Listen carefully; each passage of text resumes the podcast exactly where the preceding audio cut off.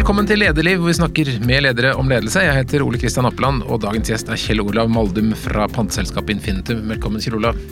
Tusen takk, og tusen takk for invitasjonen. Jeg skylder jo lytterne å gjøre oppmerksom på at vi jobber litt sammen, for eh, panteordningen er en, en kunde av Apeland gjennom mange år, men jeg syns likevel det er verdt at du skal få lov å snakke likevel.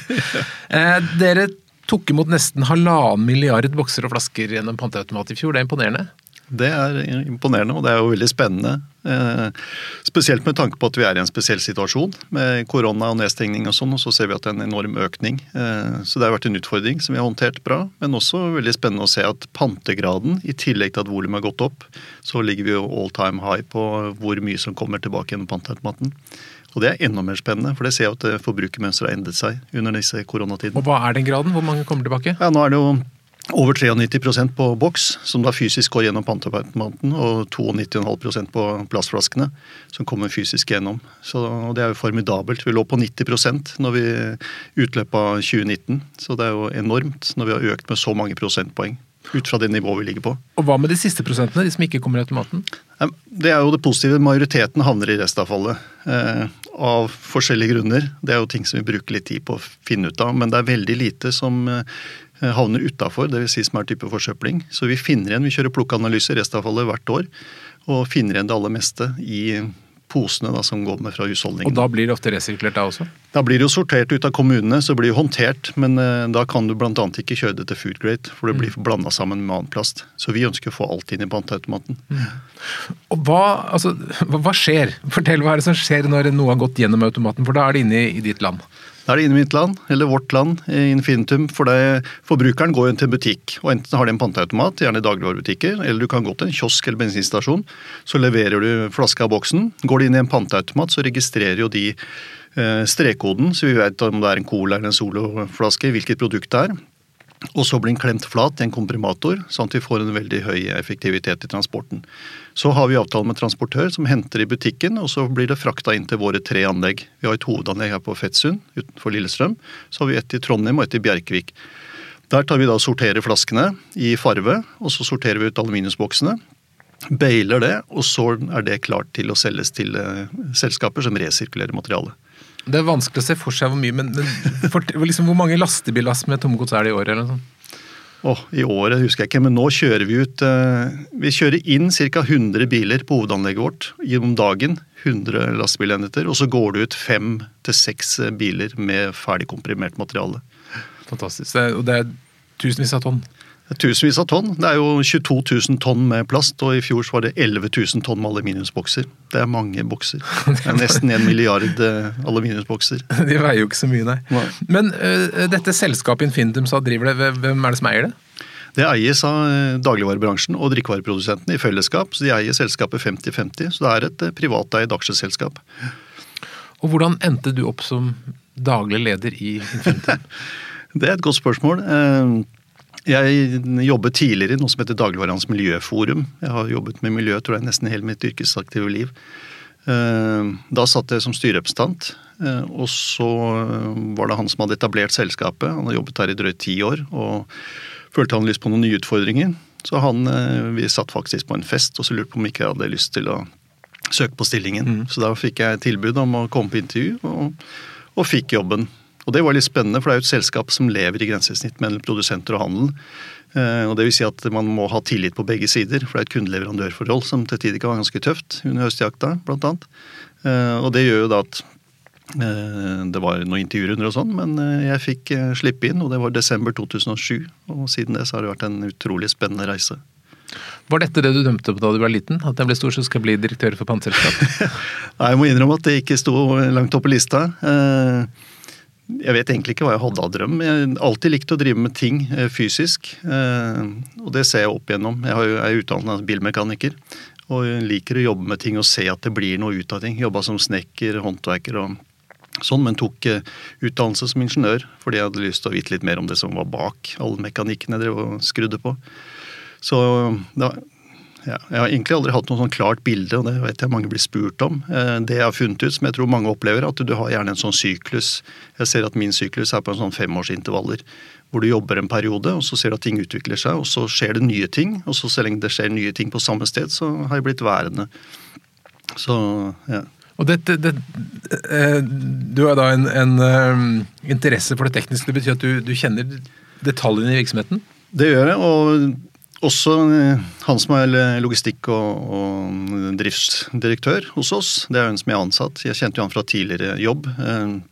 Og vi satt faktisk og tegna anleggene, og han er veldig dyktig på å tenke logiske løsninger og logistikkeffektivitet. Eh, jeg har litt mekanisk bakgrunn da, som ingeniør, maskiningeniør. Så vi har jo designa produksjonsanleggene og alt, så det er egenutvikla for Infinitum. Unikt i, i verdenssammenheng, faktisk. Eh, vi har mye dialog med svenskene, og vi ser at de bygger om sine maskiner og sånn, sånn at de ligner mer og mer på vårt setup. Så, men det er en av de ting som har vært gjort er motiverende å jobbe der. Det at vi får lov til å bygge egne anlegg og vi utvikler det. Og så lenge vi gjør det på en rasjonell og kostnadseffektiv måte, så har vi jo stor tillit fra eierne våre. Og eh, nå åpner dere i neste uke et, et, en, en, ny fabrikk, eller dere er med på å åpne en ny fabrikk. Fortell om det. Ja, vi har jo, Det startet faktisk i 2009, da hadde jeg jobba halvannet år. Eh, og da så jeg det at eh, vi transporterte plastmateriale til, eh, til Danmark. Og så gikk vi en avtale med et selskap som var eh, etablert i Tyskland, som var kjempedyktig. De hadde allerede den gang en godkjenning for matkontakt. Dvs. Si at når du resirkulerte materialet, så kunne du putte det direkte i kontakt med mat igjen. Og da etablerte vi en intensjonsavtale som sa at vi ønsket på sikt å etablere resirkuleringsanlegg i Norge. Ehm, og så har det vært en lang vei å gå. ene var at vi trengte tonnasje. Vi hadde for lite tonnasje i 2009 til at det var eh, forretningsmessig forsvarlig. Ehm, og så kom tonnasjen i 2012, når bransjen skiftet fra ombruksemballasje til eh, resirkuleringsemballasje. Så da hadde vi tonnasjen på plass, og så har det vært litt prosess for å få alt eh, opp. Men nå åpner vi da anlegget offisielt, hvor vi da har satt opp et bygg ved siden av vårt hovedanlegg og så leier vi ut bygget til eh, Violia, som er den største på PET-resirkulering i Europa. På matkontaktresirkulering. Og De har satt opp resirkuleringslinjen, og den eh, åpner nå. Og Det er jo kjempespennende, for det vil si at vi kan ta all plastemballasjen, alle plastflaskene som vi bruker i Norge, de resirkuleres og blir nytt materiale som vi kan lage nye flasker av. Så flaskene kommer fra sorteringsanlegget deres, og så går de inn på til Viola. og hva, hva skjer i den fabrikken? I den fabrikken så tar de og kutter opp flaskene i små flakes, og så vasker de det og gjør, gjør det rent, og så smelter de til granulat. Og det granulatet kan du da bruke til å støpe nye flasker. Og Det er en veldig effektiv prosess, og det må jeg ta med en gang, for det er jo kjempespennende. Man snakker om ombruksmateriale, og så snakker man single use plastic, engangsplast. Flaskene vi har, de brukes som flaske én gang, og så går de gjennom en prosess hvor de kuttes opp, vaskes og settes sammen, og så blir det en ny flaske. Så vi sier at dette er faktisk like mye ombruksflaske som det gamle systemet, men det er mye mer ressurseffektivt. Du bruker mindre kilowattimer, lavere CO2-utslipp og oppnår da det samme produktet i andre enden. Så dette er en kjempespennende utvikling hvor vi har fått lov til å bygge, etablere resirkuleringsanlegget og liksom begynne å knytte sammen den eh, sirkulære verdikjeden i Norge. Men du, du, du, du sitter her og snakker pent om plast, men plast er jo generelt et materiale som ikke har så veldig høy standing for tiden? Det skal ja, være forbud det... mot plast og avgift på plast og nei til ditt og datt. ja. Ja, og det syns vi er veldig leit. For det er ikke tvil om det. Det er en grunn til at vi bruker plast. Plast er et utrolig rasjonelt og effektivt materiale, og du kan lage det på så mange måter. Eksempelet er jo bare sykehus nå i disse koronatider. Tenk deg å drive et sykehus i dag uten plast, engangssprøyter og alt det som er. Det er så rasjonelt og effektivt, og du bruker mye mindre energi til å produsere produktene, og en del produkter kan du resirkulere. og Det er faktisk det mest effektive materialet å resirkulere også. Så vi prøver jo å bringe ut det gode budskap. Men det er klart plast har jo ingenting i naturen å gjøre. Men det er mye annet rart som ikke har noe i naturen å gjøre også. Så det er kanskje det viktigste diskusjonen. er Hvordan lukker vi disse systemene sånn at de ikke havner i naturen? For den skal vi ta godt vare på. Men sørge for at vi får materialet inn og resirkulerer det. Og da er plast et helt utrolig materiale, og det kommer til å leve lenge. Det er jeg helt sikker på. Det er vel det folk sier negativt, for de lever lenge i naturen nå. Men, ja.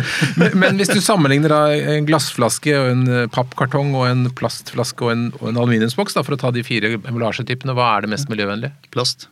Hvorfor Uten, det? Eh, jo, det bruker minst energi for å produsere det. Det er lettest å produsere. Det er veldig lett og sterkt materiale. Jeg vokste opp i Oslo. Jeg husker da når Ringnesbilen var og leverte brus eh, på kiosken. Eh, eller Fru Aas var en kolonial på hjørnet i Dalsbergstien. Og det var rett som var, så tippa den kassene, og de knuste. Brekkasje med plast skjer nesten aldri. Det er veldig solid. Lett å transportere. Vi gjorde et eh, overslag her for ett år siden. Da så vi hvis vi skulle gå tilbake og bruke glassflaske istedenfor de plastflaskene og boksene vi bruker i dag, som da er totalt 30 000 tonn, så hadde det krevet eh, tonnasje på emballasjen bare på 560 000 tonn. Så det er utrolig tungt glass, og det skal fraktes. Eh, Det krever masse energi for å produsere, smelte om glass. Kartong er veldig krevende å resirkulere.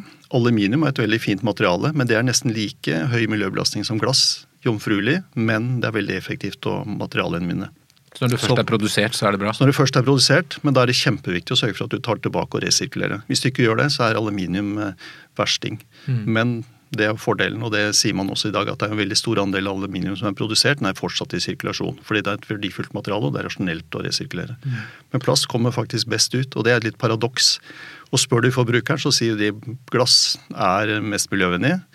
Men spør du alle teknikere og fagfolk og ingeniører, så ser jo de helt klart at plast er jo suverent. Men det er ganske mye drikkevarer som selges på glass, og så dyr øl og sånn er ofte på en glassflaske. Det er kanskje ikke så bra, det da? Det er ut fra et miljøperspektiv, men det er jo veldig liten andel av totalen. Og det sier vi jo for all del, bruk glass på noen produkter. Jeg kaller det Rolls-Royce-emballasje. Vi skal ikke slutte med alt. Det er ingen som vil ha et samfunn hvor du kutter ut og alt blir firkanta likt. Men man må bruke eh, tenke nøye gjennom og bruke det med omhu. Så bruke det på riktig type produkter. Fin whisky eller uh, godt øl kan gjerne være på glass. Men uh, i Norge så tror jeg under 10% av det vi konsumerer i dag er på glass. Resten er på aluminium og plast, og sånn bør det være. Har du de store volumene på plast og aluminium i et pantesystem, så har du minst uh, miljøbelastning. Men du fortalte at da over 90% av plastflaskene blir resirkulert i systemet deres. Hvordan er det med plast ellers? Altså Vi samler og sorterer plast, plastsøppel. Hvordan er det med resirkulering av plastemballasje generelt? Plast er jo ikke plast, det er mange typer plast. Og det er jo kanskje hovedproblemet til plast. Når man samler inn, så må det sorteres og vaskes. Og de systemene som er satt opp i dag, de er ikke gode nok. Og det har jo både Grønt punkt og kommunene erkjent, basert på de nye EU-reglene. Så nå jobbes det jo veldig iherdig. Så Handels miljøfond, som nå er ute og lagt ut en tender for å se om noen kan tenke seg å sette opp en vaskelinje for å vaske og finsortere husholdningsplast. Og det tror jeg er et veldig fornuftig prosjekt, for da tar du et effektivt materiale og sørger for at det kommer inn i en effektiv resirkuleringsprosess. Så det kommer til å skje mye de nærmeste årene, og det er viktig. Det er viktig for miljøet, og det er viktig for ressursbruken. Det, når man forteller om hvor bra panteordningen er, som dere jo gjør, så kommer det ofte sånn Ja, vi må ha pant på mer, vi må ha pant på snusbokser, vi må ha pant på ditt og hvorfor, hvorfor er det ikke pant på flere ting? Det er et godt spørsmål. Eh, Vi ser jo at pant er et utrolig effektivt For det, det er ligger jo et enkelt rasjonale bak. Putt en verdi på en ting som ikke har så høy egenverdi, så vil noen ta det med tilbake og, og sortere det. Vi så litt noe artig nå når det var eh, disse festene som var borte i Bergen og i Oslo her, eh, hvor det da lå fløyt masse emballasje og sånn. Vi finstuderte bildene, og det lå ingen flasker og bokser med pantemerke. Alle de er plukka opp av noen og levert inn. Når du ikke har putta en verdi på det, så blir det liggende. Så det fløt jo av glassflasker som de ikke hadde pant på, blant annet. Eh, når vi ser på hva som finnes i havet, så er jo fiskeindustrien er jo en stor synder. Og de har jo da fiskegarn, og jeg skjønner ikke hvorfor har de ikke putta pant på fiskegarn for lenge siden. Hvis noen mister et bruk, så kan noen andre dra det opp, og vet at de får noen tusenlapper for å levere det inn igjen. Det burde vært enkelt å merke en sånn kapitalvare. Vi har jo klart å innføre pant på biler på slutten av 70-tallet. Før så- Båter, tror jeg òg, er det ikke det? Eller, Jo, nå har det kommet en ja. type pant på båter også. Ja, mm. eh, Sånn at du får, eh, får noe penger hvis du leverer inn. Og det viser jo bare at dette er fornuftig, for da vil noen samle det opp og få levert inn igjen. Og det er jo interessant problemstilling, for det du toucher inn på der, det er at de aller fleste produkter, når det er produsert og end of life, så er egenverdien så lav, så det er ikke noe økonomisk insentiv til å ta det inn og resirkulere det. Men dit må vi, for det ligger så mye verdifulle innsatsfaktorer i alle produkter. Det er PC-er, mobiltelefoner, biler, båter, garn. Det må inn i loopen, og det er derfor er det spennende den diskusjonen om sirkulærøkonomi. Men vi syns det går for tregt. Ja, for Sirkulærøkonomi er mye brukt uttrykk. Det betyr altså at det skal være på en måte penger i, i alle ledd? Ja, jeg sier at det bør være et økonomisk eh, Mellom hvert ledd i verdikjeden så må det være et forretningsmessig forhold som gjør at man faktisk får den verdikjeden til å henge sammen på en effektiv måte. Så hvis jeg, Når jeg panter, så får jeg penger av deg, Ja. og så tar du plassen videre, og så får du Og så selger jeg den og tjener penger for å selge plasten. Ja. Men plasten i seg sjøl i dag, plastflaskene, Mm. de har ikke høy nok verdi til å dekke hele innsamlingskostnadene. Så produsenten betaler en liten EPR-kostnad. Og det er interessant, Mm. for dette er en produsentansvarssystem som vi har hatt da siden egentlig tidenes morgen, fordi produsenten har alltid vært interessert i å få tak i flaskemateriale. Mm. Mens på all annen type emballasje så dekkes ikke alle eh, kostnadene for innsamling av produsenten. Og det er der man må utvikle produsentansvarsordningen bedre. Og det er jo interessant, for det man diskuterte i EU i 40 år, produsentansvar, og så klarte man ikke å komme i mål, og så døpte man om til extended, utvidet produsentansvar. Mm. Men det er akkurat det samme. Hvordan skal du få de som sitter med ansvarlig Er det EPR? Er det EPR, ja. Extended, uh... extended Producer Responsibility. Mm -hmm. Og det er liksom hvordan skal du da få finansieringen inn i førsteleddet? Sånn at det er noen som betaler inn penger for å sørge for at du får innsamlingen eh, gjennom hele verdikjeden. Og det fungerer i pantesystemet. Eh, litt på bakgrunn av noen god politisk beslutning på 90-tallet, men det gjorde at det ble etablert, og det har alltid vært inndekning. Så når du har kjøpt en flaske med eh, drikke i butikken, så er allerede inndekningen for hele innsamlingssystemet på plass. Det er på en måte porto betalt? Portoen er betalt, mm. så den er ferdig frankert. Så når du da går og leverer den, så kommer den tilbake. Og så er panten der for å sikre at du tar den med til butikken. Men noe av bakgrunnen for at handelen og bryggeriene da har laget dette systemet som du jobber i, det, det er en avgift som heter miljøavgiften. Hvordan funker den? Det stemmer. og det var på 90-tallet. Da hadde man ombruksemballasje som bryggeriene trengte å få tilbake. Så de hadde et eget insentiv for å få det inn, for de skulle vaske og bruke flaska på nytt. Og så var det en utvikling på emballasjeproduksjonssiden hvor man så at det var billigere og mer rasjonelt å lage en emballasje som skulle gå én gang. Da la man ned pantesystem i nesten hele verden. Mens i Norge, og da var det Torbjørn Berntsen, han satt jo en skvis for han representerte Arbeiderpartiet og hadde fagforeningen som ikke ønsket eh, omlegging til eh, resirkuleringsemballasje.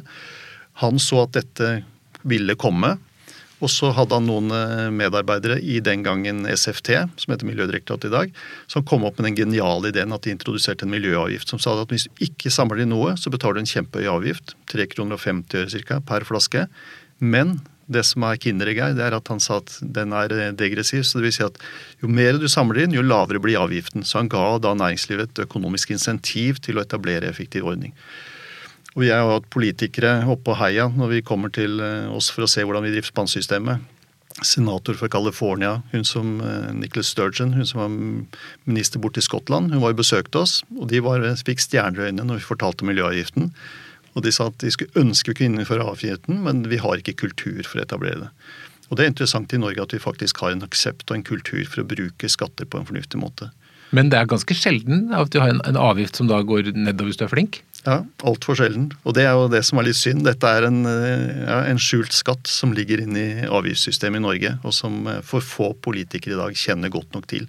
Hadde de satt seg inn i hvordan den fungerer, så hadde de brukt det som et insentiv mot næringslivet. Det er min Så det betyr at hele Infintum og det dere gjør, er på en måte et sparetiltak for de som kjøper og selger, eller produserer og selger brus og vann? Ja, det er en god måte å si det på. Men hvor da resultatet er det som politikerne ønsket å oppnå. Så de sa at egentlig til næringslivet dere kan gjøre hva dere vil, etablere hvilket som helst tilsagnsystem, men jo mer dere samler inn, jo lavere blir avgiften. Og eh, bransjen med handel og produsentene de reiste til Sverige og så på pantesystemet der, og så på andre innsamlingssystemer, og så konkluderte de da på midten av 90-tallet at nei, vi må sette opp pantesystem, for det er eneste måten å sikre høy innsamling på. Så da konkluderte bransjen sjøl. Og det er interessant, vi har jo besøk fra politikere i hele verden og som lurer på hvordan de skal etablere pantesystem. Så vi sier jo til dem bare innfør miljøavgift, så mm. får dere pantesystem men eh, det skjer ikke. ja, for i, i et glob, altså Det er fint at vi er flinke til å pante i Norge og resirkulere, men i et global sammenheng så er bokser og flasker et ganske stort problem. Vi har sett det flyte rundt over og, Ja, enormt ferie, problem. Og det ser vi jo på disse strandryddedagene og sånn, hvor man er ute. Så finner vi jo masse flasker. Sju-åtte av ti flasker de kommer fra naboene våre. Eh, de kommer flytende over. og det jeg var jo i Skottland i 2016 og holdt foredrag på en konferanse. og Da kom Sky News bort til meg og så lurte på kan du fortelle meg hva som skjer med flaskene vi kaster i Themsen. Og det kunne jeg, for vi hadde en kar som eh, sorterer alt som kommer inn på Hoddevika, på surfestranda der. Og han kategoriserer og registrerer alt. og da Sånn at eh, sju av åtte flasker de kom fra utlandet. Så vi hadde en vannprodusent fra England, og han kjente igjen sin flaske. Den lå da på Hoddevika. Men det betyr at hvis eh, du klarer å overbevise nok utlendinger, så kan dette ha globale konsekvenser? Ja, og vi gjør så godt vi kan. Vi tar imot alle med åpne armer og forteller eksakt hva vi gjør. Går ut med all informasjon som vi kan gå ut med. Og alle er veldig positive. Er tunge politiske prosesser, og det, for oss er det frustrerende når vi ser hvor enkelt dette er, og hvor intuitiv den miljøavismodellen egentlig er.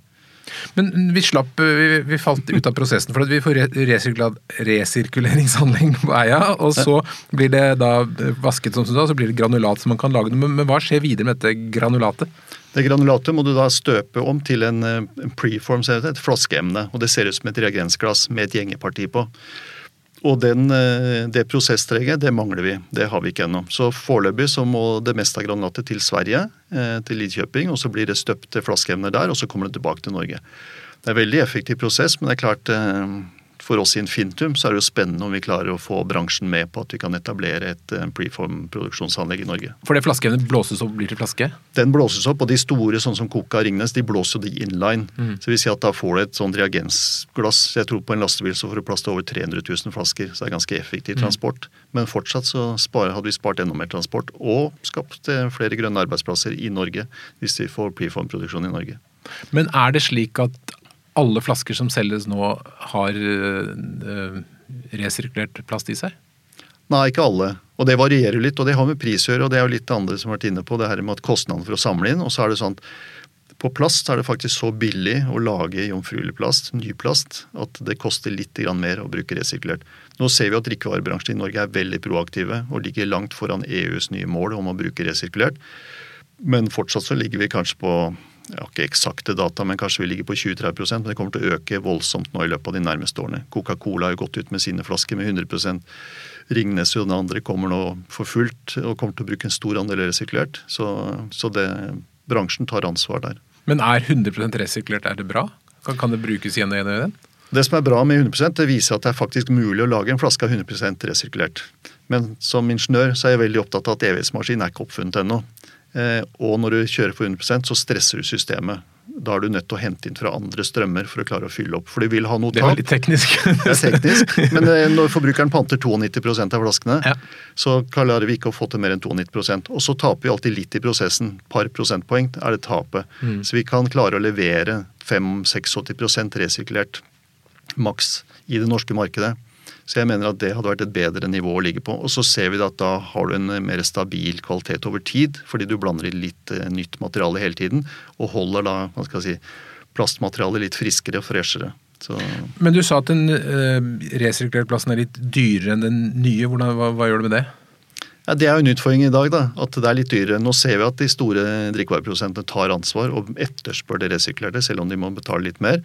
Men det vi har jobbet med politikerne, det er å få de til å innføre en, det vi kaller en materialavgift. Men det vil si sette en pris på eh, nytt plast, sånn at eh, man korrigerer for den eh, ubalansen som er i markedet ved at det er litt dyrere med resirkulert. For når du ser på livsløpsanalyse og ser på miljøeffekten av å bruke resirkulert, så er den formidabel. Det er det som er interessant med plast, at du sparer så mye kilowattimer. Du reduserer CO2-utslippene enormt ved å bruke resirkulert. Så det skulle jo da intuitivt vært mye billigere å bruke resirkulert, men det er det ikke fordi du ikke har miljøkostnadene inne. Og den prøver vi å få inn ved å etablere en sånn materialavgiftskostnad. Men du snakker om materialavgift, og så er det andre politikere eller så er det politikere som snakker om plastavgift. Er det det samme? Ja, men vi ønsker jo at materialavgiften skal ha samme innretning som miljøavgiften, at den er degressiv. At den reduseres. Så jo mer resirkulert du putter i flaskene, jo lavere blir avgiften. For da gir du næringslivet det samme insentivet til å utøke bruken etter hvert som teknologien utvikler seg. Det som politikerne snakker om, det er å lage en fast avgift. Og Problemet når du lager en fast avgift, er at du kan ikke sette den høyt nok, for da vil det bli ramaskrik, og du får lobbyisme som sier at dette går ikke. Du kan ikke endre avgiftsbildet så brutalt. Men når du setter en eh, sånn eh, avgift som kan reduseres, så går det an å gå inn og si at eh, vi setter den på et høyt nivå. Så får du tre år på deg, og så må du bevise hva du klarer å oppnå. Så det er en helt annen mulighet for politikerne til å sette avgiften på et høyt nivå, og et riktig nivå, når du vet at den faktisk vil reduseres. Hva er den største utfordringen med den jobben du har som leder i Infintum? Største utfordringen eh, det er vel eh, egentlig å få styrt opp alle prosjektene. For vi er jo i en enorm utvikling. Eh, og det begynte da å ja, Vi satte opp vårt første nyanlegg i 2012 for å klare å håndtere bransjens omlegging. Vi begynte før bransjen offisielt gikk ut og sa at nå kommer vi til å skifte. Så vi satte opp nytt anlegg i Trondheim i 2012, nytt anlegg på Heia i 2013. Nå skal vi bygge nytt i Bjerkvik og nytt i, i Trondheim. Og I tillegg så jobber vi jo veldig med bransjen for å se hva kan vi bidra på nye områder. Så øltønnene som eh, Ringnes har kommet med, disse Draftmaster som de har begynt å sette til utliv, som er en øltønne i PET. Den Altså i plast? klart- Ja. eh, som man da selger til pubene. 20 liters tønne, som er laget av samme plastmateriale som i flaskene. Er det de vi som tidligere var sånn aluminiumstønner? Ja, de var ståltønner, mm. stålfat tidligere. Og det var stålfat som ble tatt inn og vaska og brukt på nytt. Og som egentlig var evigvarende i prinsippet. Sånn teknisk det er et utrolig solid fat, men det er veldig tungt. Og det krever mye vasking mellom hver bruk, og du har høyere svinn. Det blir alltid noen ølrester igjen. Mm. Så Carlsberg har utvikla en sånn øltønne. Eh, og det interessante er at de har jo da prøvd i Danmark å lage en panteordning, de har ikke fått det til. Mens de kom til Norge, og er det én ting vi liker i Infinitum, så er det utfordringer. Så vi fikk en forespørsel og sa at det skal vi ordne, og vi har etablert en panteordning, og den har nå fungert eh, i drøyt år. Og så har vi etablert eh, Eh, panteordning som vi går ut med i disse dager for festivalcruise. Hvor vi sier at vi kan sjekke og godkjenne et plastkrus som er laget av samme material som plastflaskene. Vi kan samle det inn, og så blir det resirkulert. Og da vil du kunne servere øl med lavest miljøbelastning i forhold til noen alternativer, fordi vi samler inn og resirkulerer. Blir det pant på glass nå? Da kan det bli pant på glassene. Og det er klart det er en effektiv måte for festivalene. Bare si at nå er det fem kroner i pant. Da sikrer du høy innsamling, lite ryddekostnader, og du får en effektiv innsamling av materiale. Og noen veldig rike småbarn. og noen rike småbarn, og det tenker jeg er helt kult på festival. ikke sant? Så det, Dattera har vært på Roskilde, og der er det folk som kjøper billett kun for å gå rundt og samle panten. Ja, for de har panteordning? De har panteordning. De selger jo på boks og sånn mm. inne på festivalområdet, og ja. folk har jo med seg drikke inn. Så der går det, Og det finnes jo på festivaler som har pant. Og Det er jo det geniale. Har du pant, så vil noen plukke det opp. Enten tar med det hjem og panter, eller så er det noen som plukker opp. Ja, For det er noe eget med pant. Det blir liksom den første opplevelsen mange har av å gjøre noe og tjene penger? Jeg tror det. Jeg vokste opp med det, og mange av oss så er jo liksom, da fikk du lov til å gå pante, og kunne kjøpe deg noe godteri på butikken. Så det var liksom først du opplevde, at eh, her gjorde jeg en liten jobb, og så får du noe penger, og kunne kjøpe noe for det. Men før så kunne du få tror jeg, en kjærlighet på pinne eller to bugg for en flaske. Der er du ikke helt, der, der, der har det skjedd noe. Det har skjedd noe, men det hjalp jo veldig når vi økte panten nå i 2018. Når vi gikk opp til to og tre kroner, mm. så har jo det gitt en formidabel økning både i pantegraden, men jeg tror også folk opplever at nå har jo verdien av den posen eh, økt. Så det er jo positivt. Og så er det en ting til som er interessant når vi har disse som kommer fra utlandet. Så er de veldig opptatt av at de tror ikke de klarer å få sin befolkning til å skjønne hvordan pant fungerer. Eh, men vi sier jo at det er veldig enkelt, for det har med økonomi å gjøre. Og vi ser jo i Norge skal du dokumentere at de som trenger pengene, de samler inn. Så det vil være quick fix når du innser at panten det er penger du får tilbake. Og så er det en annen sak. Vi støtter jo bl.a. Røde Kors, eh, har et samarbeid med de. Og det er interessant hvor folk da er på hytta, og så skal de hjem, og så ser de at oh, istedenfor å ha to poser med tungos liggende og skrangle i bilen som er full av bagasje og bikkjer og unger, så donerer de panten til Røde Kors, og det har vært kanskje den viktigste inntektskilden til Røde Kors opp igjennom. Så det er mye snøscooter og, og Røde Kors-utstyr som er betalt av pantepenger. Og det er interessant psykologi at folk føler at du kan donere bort panten, som er kontanter, men fordi de må gjøre en liten jobb for å håndtere det, så er det liksom ok. Mm. Så, så det ligger mange sånne interessante mekanismer i panteløsningen. Og hvis man tar med seg panten hjem for å pante, så får man en mulighet til når du kommer til et måte hvor der er Røde Kors der også, med pantelotteriet. ja, så da kan du få lov til å spille. Men, men det er ikke infinitum? Det er ikke infinitum. Eh, og det er jo ikke et system som vi har vært involvert i, men vi har vært alltid positive til, den, eh, til etableringen. Det var vel egentlig Ton-systemet og Tomra som utvikla denne løsningen med et lotteri. Og det gir jo et eh, ekstra inntekt til Røde Kors, som er en jevn, god pengestrøm, som er kjempeviktig. Og det gir et insentiv til en del folk, for de syns det er litt artig. En liten avveksling. For det er jo, tenker du på pant som sådan, så er det jo et kjedelig produkt. Det har jo ikke endra seg på 100 år. Du må liksom levere flaska, så får du pengene tilbake. Ja, når, kom, når kom panten, vet du det? Jeg vet ikke, jeg husker Bryggeriforeningen. Petter Noman sa at i hvert fall 1902 kunne de dokumentere at det var en pantordning. Så vi har hatt pant i Norge siden i hvert fall 1902. Og det er logisk. Da var det glassflasker som var så dyre å lage at du var nødt til å få de tilbake og vaske de brukte på nytt.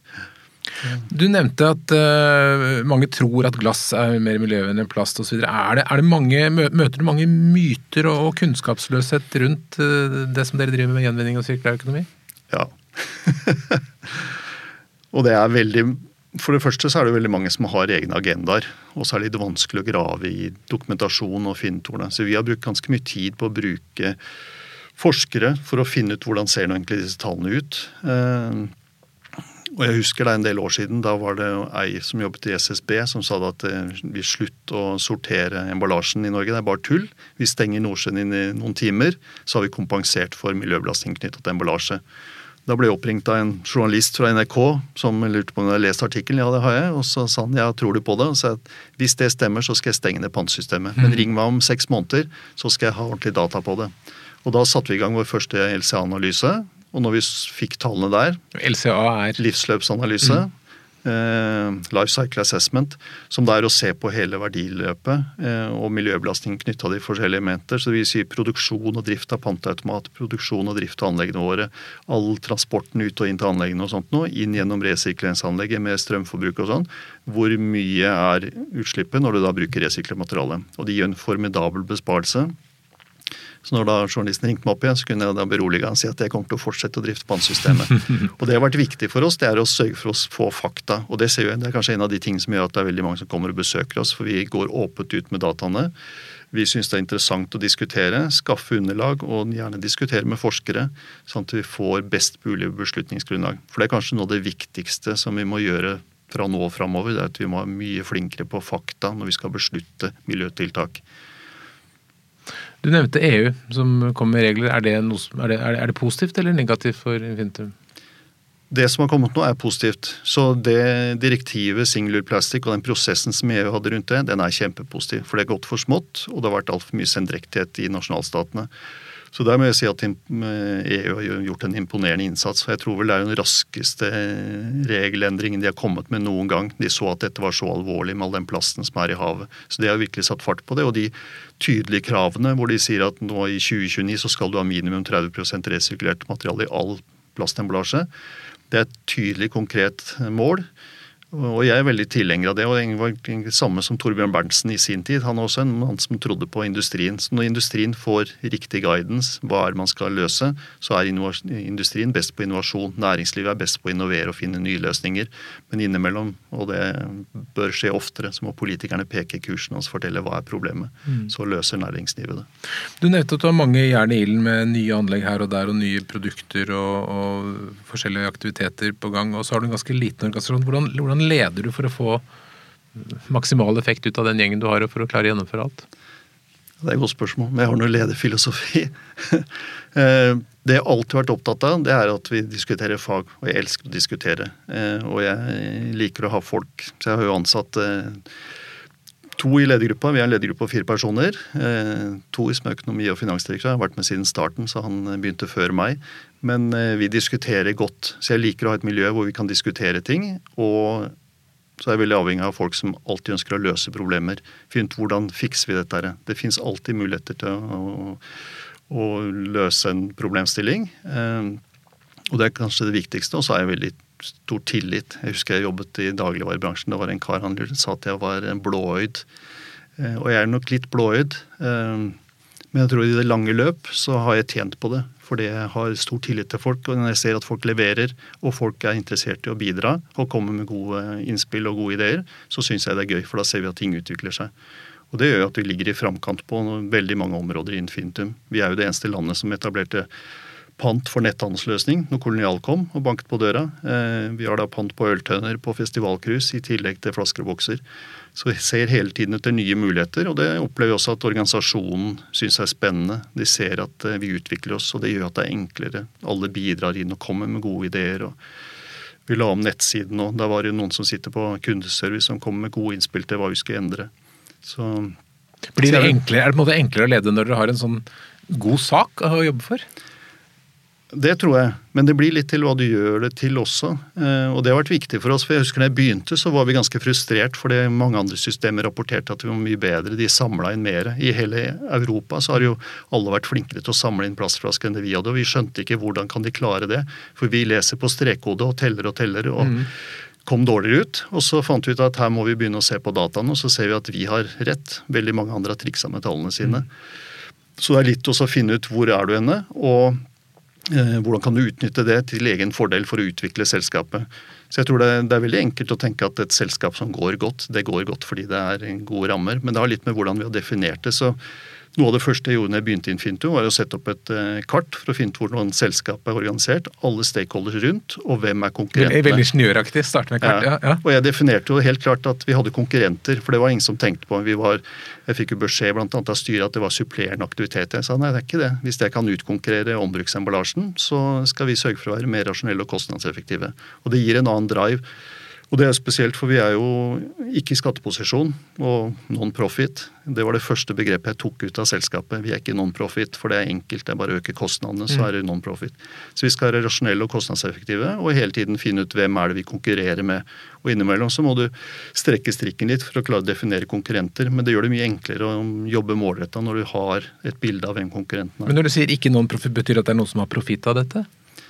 Nei, men eh, det er vel ingen av disse innsamlingssystemene som eh, har et overskudd. Men i vår verdikjede, så neste ledd som vi selger til, de tjener penger på å selge plast og aluminium. Mm. Så det er en ren kommersiell virksomhet. Og det er det jeg var inne på her, at i disse verdikjedene, når du skal samle inn gamle ting, om det er biler, PC-er, eh, flasker eller bokser, så er det en missing link i den verdikjeden, den sirkulære modellen, som gjør at det, du mangler det kunde-leverandørforholdet. Det har man klart å organisere med miljøavgiften i Norge, som gjør at næringslivet da sparer penger ved å drifte selskapet og ta en liten kostnad for at vi skal samle inn flaskene.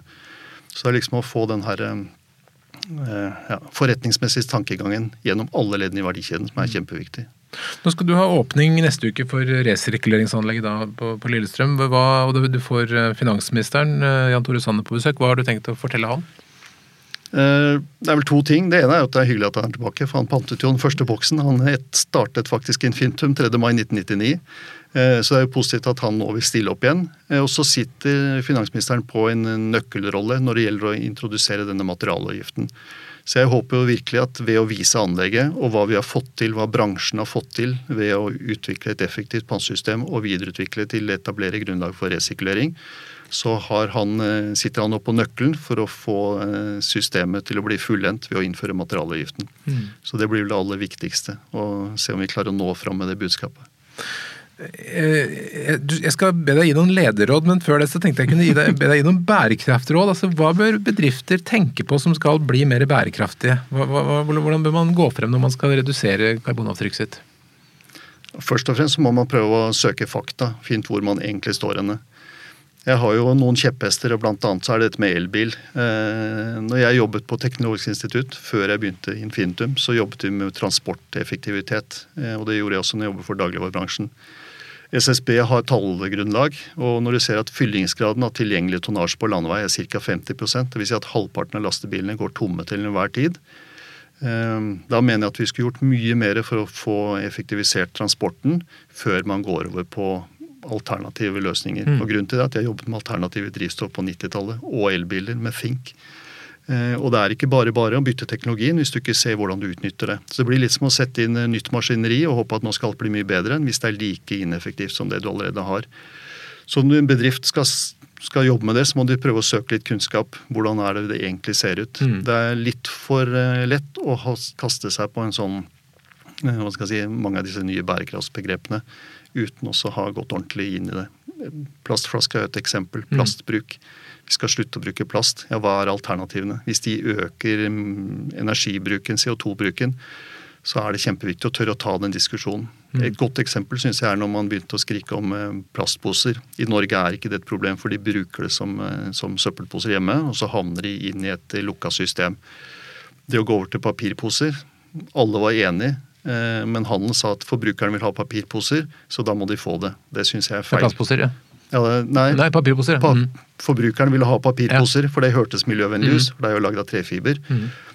Men bare tonnmessig og det å bruke trefiber er ikke miljøeffektivt. Hvis du ikke klarer å resirkulere på en effektiv måte. Så bæreposen hadde helt klart sine fortrinn.